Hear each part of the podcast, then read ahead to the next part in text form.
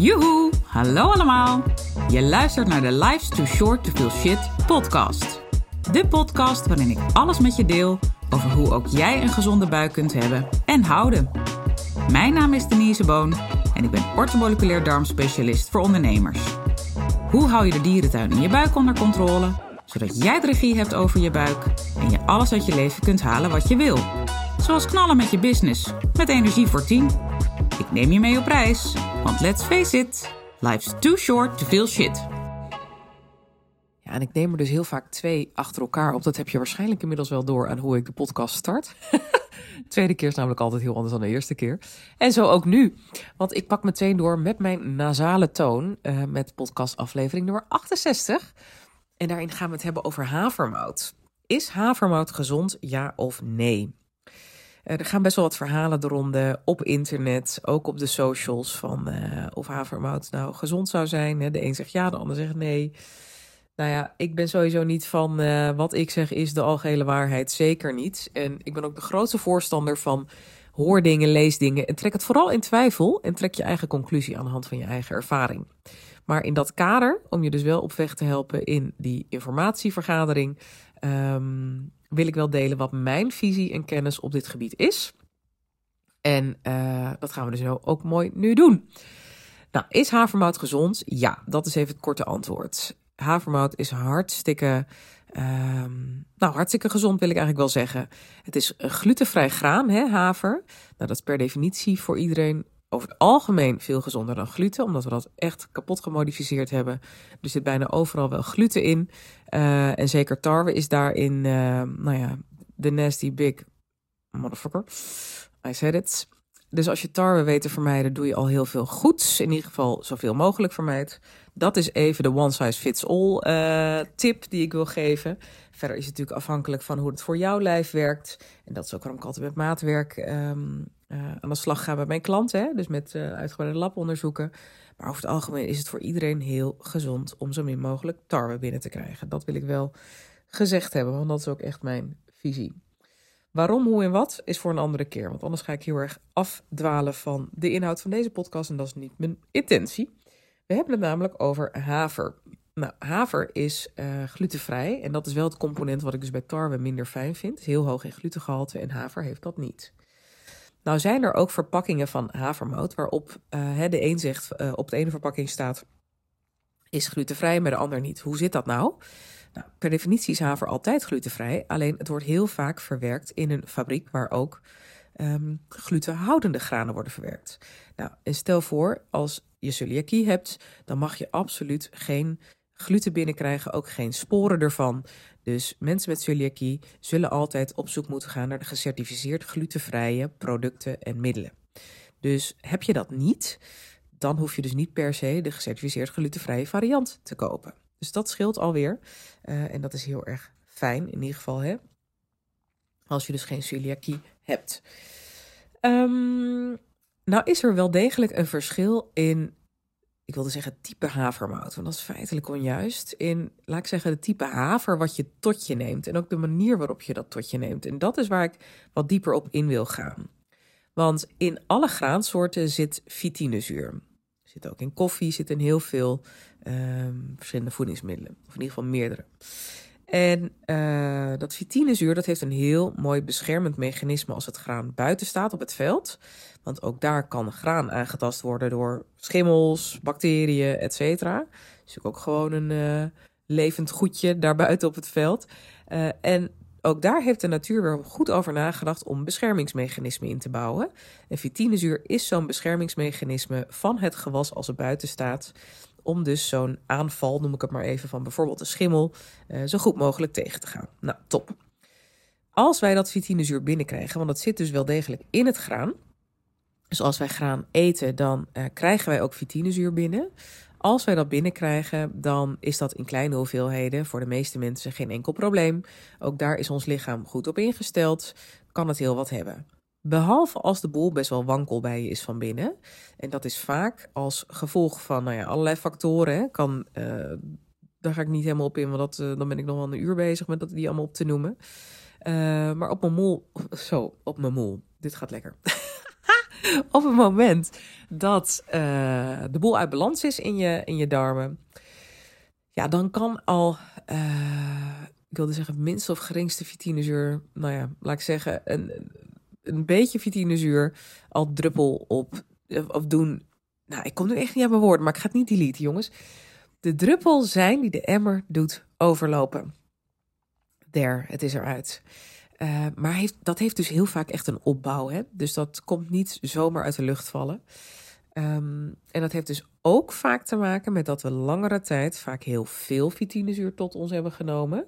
Lees jarenlang volkoren, tarwe, boterhammen en weet ik wat uit onze jeugd. En um, dat daardoor er al een behoorlijke basis is gelegd, ook met wat schade aan de darm. Want bijvoorbeeld ontstekingsprocessen in de darm, vaak ook een combinatie met de dierentuin die is ontploft, et cetera. Maar dan helpt het niet mee dat zo'n overload aan vitinezuur daar ook nog eens overheen komt. Dus dat lijf wordt gewoon wat zwakker van binnen, wat brozer en kan dus die, ik chargeer even, die tsunami aan vitinezuur minder goed hebben. En daardoor wordt dat vitinezuur ook schadelijker voor je darmen en je darmband. In ieder geval kan, hè? dat is niet bij iedereen zo, dat kan. En dat maakt dat uh, ook daarvoor ik niet met algemene uh, tips en tricks werk maar altijd op maat in kaart breng hoe dat bij jou zit. Maar goed, daarover een andere keer meer. Terug naar de havermout. Haver heeft dus ook vitinezuur in zich. Op het moment dat je havervlokken neemt en die ochtends in de pan doet met waar je maar blij van wordt, water, plantaardige melk, gewone melk, en je maakt daarmee je havermout, al dan niet hè, aangevuld met lekker wat appel of uh, wat bessen, whatever makes you tick. Ik heb al de lekkerste combinaties voorbij horen komen in eerste consult van een behandeltraject. Um, dan heb je op dat moment, dan zit er nog best wat vitinezuur in de haver. Want we hebben dat niet losgeweekt en afgespoeld. Hè, dat zit gewoon nog in die platgeslagen korrel. Hoeft dus niet per se erg te zijn. Want als jouw lichaam, en dat heeft ook met drempelwaarde te maken, als jouw lichaam prima daarmee om kan gaan, is er nothing on the hand.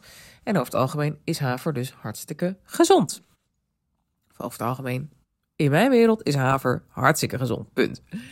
Je kan alleen ook de sticker van de juf willen halen. En uh, er zitten nog extra voordelen aan trouwens.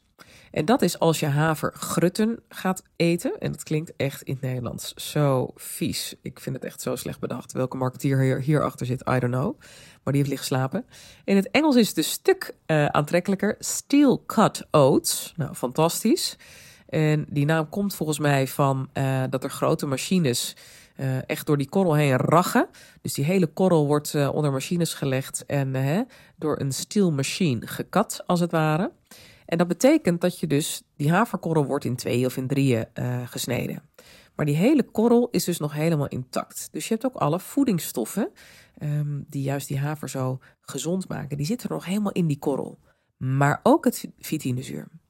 Dus als je die havergrutten, ik krijg bijna niet uit mijn mond, de steel cut oats, s'avonds met gekookt water in een pannetje doet, niet aanzetten het vuur, maar wel meteen deksel op de pan en dan lekker gaan slapen. Dus hè, hij staat gewoon uh, eigenlijk stil op het, op het fornuis. Uh, of mag ook op het aanrecht zijn, whatever. Maar ik zou hem lekker op het fornuis laten staan. Dat je nog een beetje restwarmte uh, wat doorsuddert. Um, gekookt water erop. deksel op de pan. Gaan slapen. Volgende ochtend is het al lekker geweekt en geweld. Dat zul je zien. Hè? Het is al lekker wat groter zijn die korrels geworden.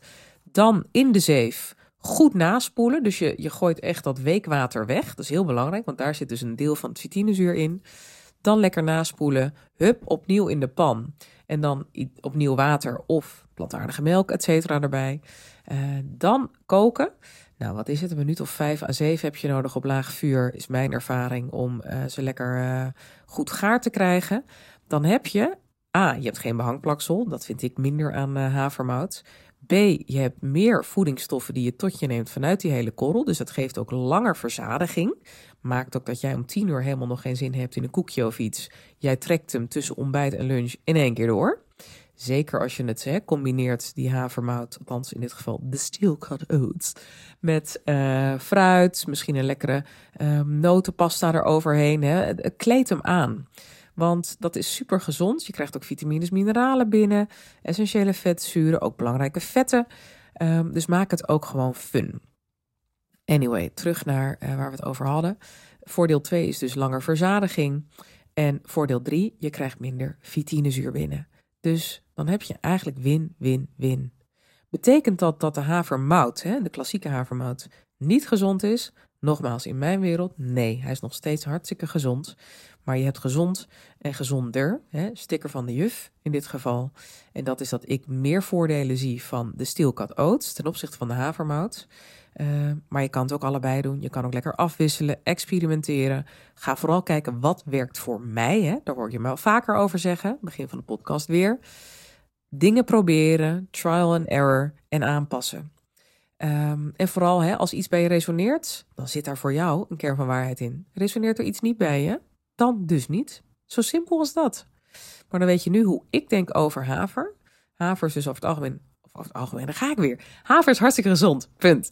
Uh, en de manier waarop jij je havermout eet, of hè, je steelkat oats, uh, nou ja, die kan dus ook heel erg wisselend zijn. En uh, ze kunnen allebei lekker zijn en lekker vallen. Het kan ook zijn dat de ene net wat lekkerder valt dan de ander. Ga proberen, ga kijken wat voor jou werkt. En deel vooral ook je ervaring, want dat vind ik heel erg belangrijk. Het is een wat korte deze keer, zie ik. Rond de 10 minuten zitten we nu. Uh, maar ik ga hem toch afronden, want uh, anders ga ik uh, nou, lopen raaskallen. Dat wil ik niet.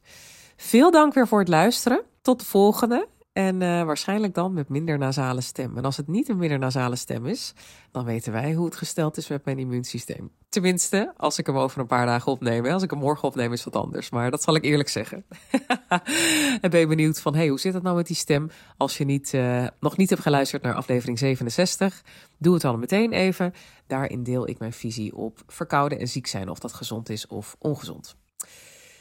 Veel dank weer en tot de volgende. Hoi hoi. Toppers, bedankt voor het luisteren. Leuk dat je er weer was. Smaakt dit naar meer? Abonneer je dan even op mijn podcast.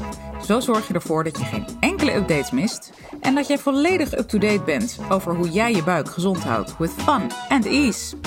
En als mijn afleveringen waardevol voor je zijn, laat hem dan even weten. Vind ik leuk.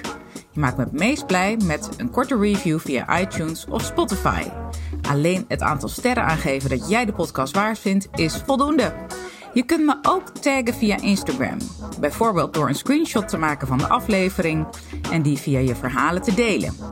Met beide dingen, zowel de rating als de screenshot van de aflevering, maak jij kans op een histamine maandmenu kookboek ter waarde van 97 euro. De winnaar maken we bekend in de eerste podcast van de maand. Tot de volgende keer!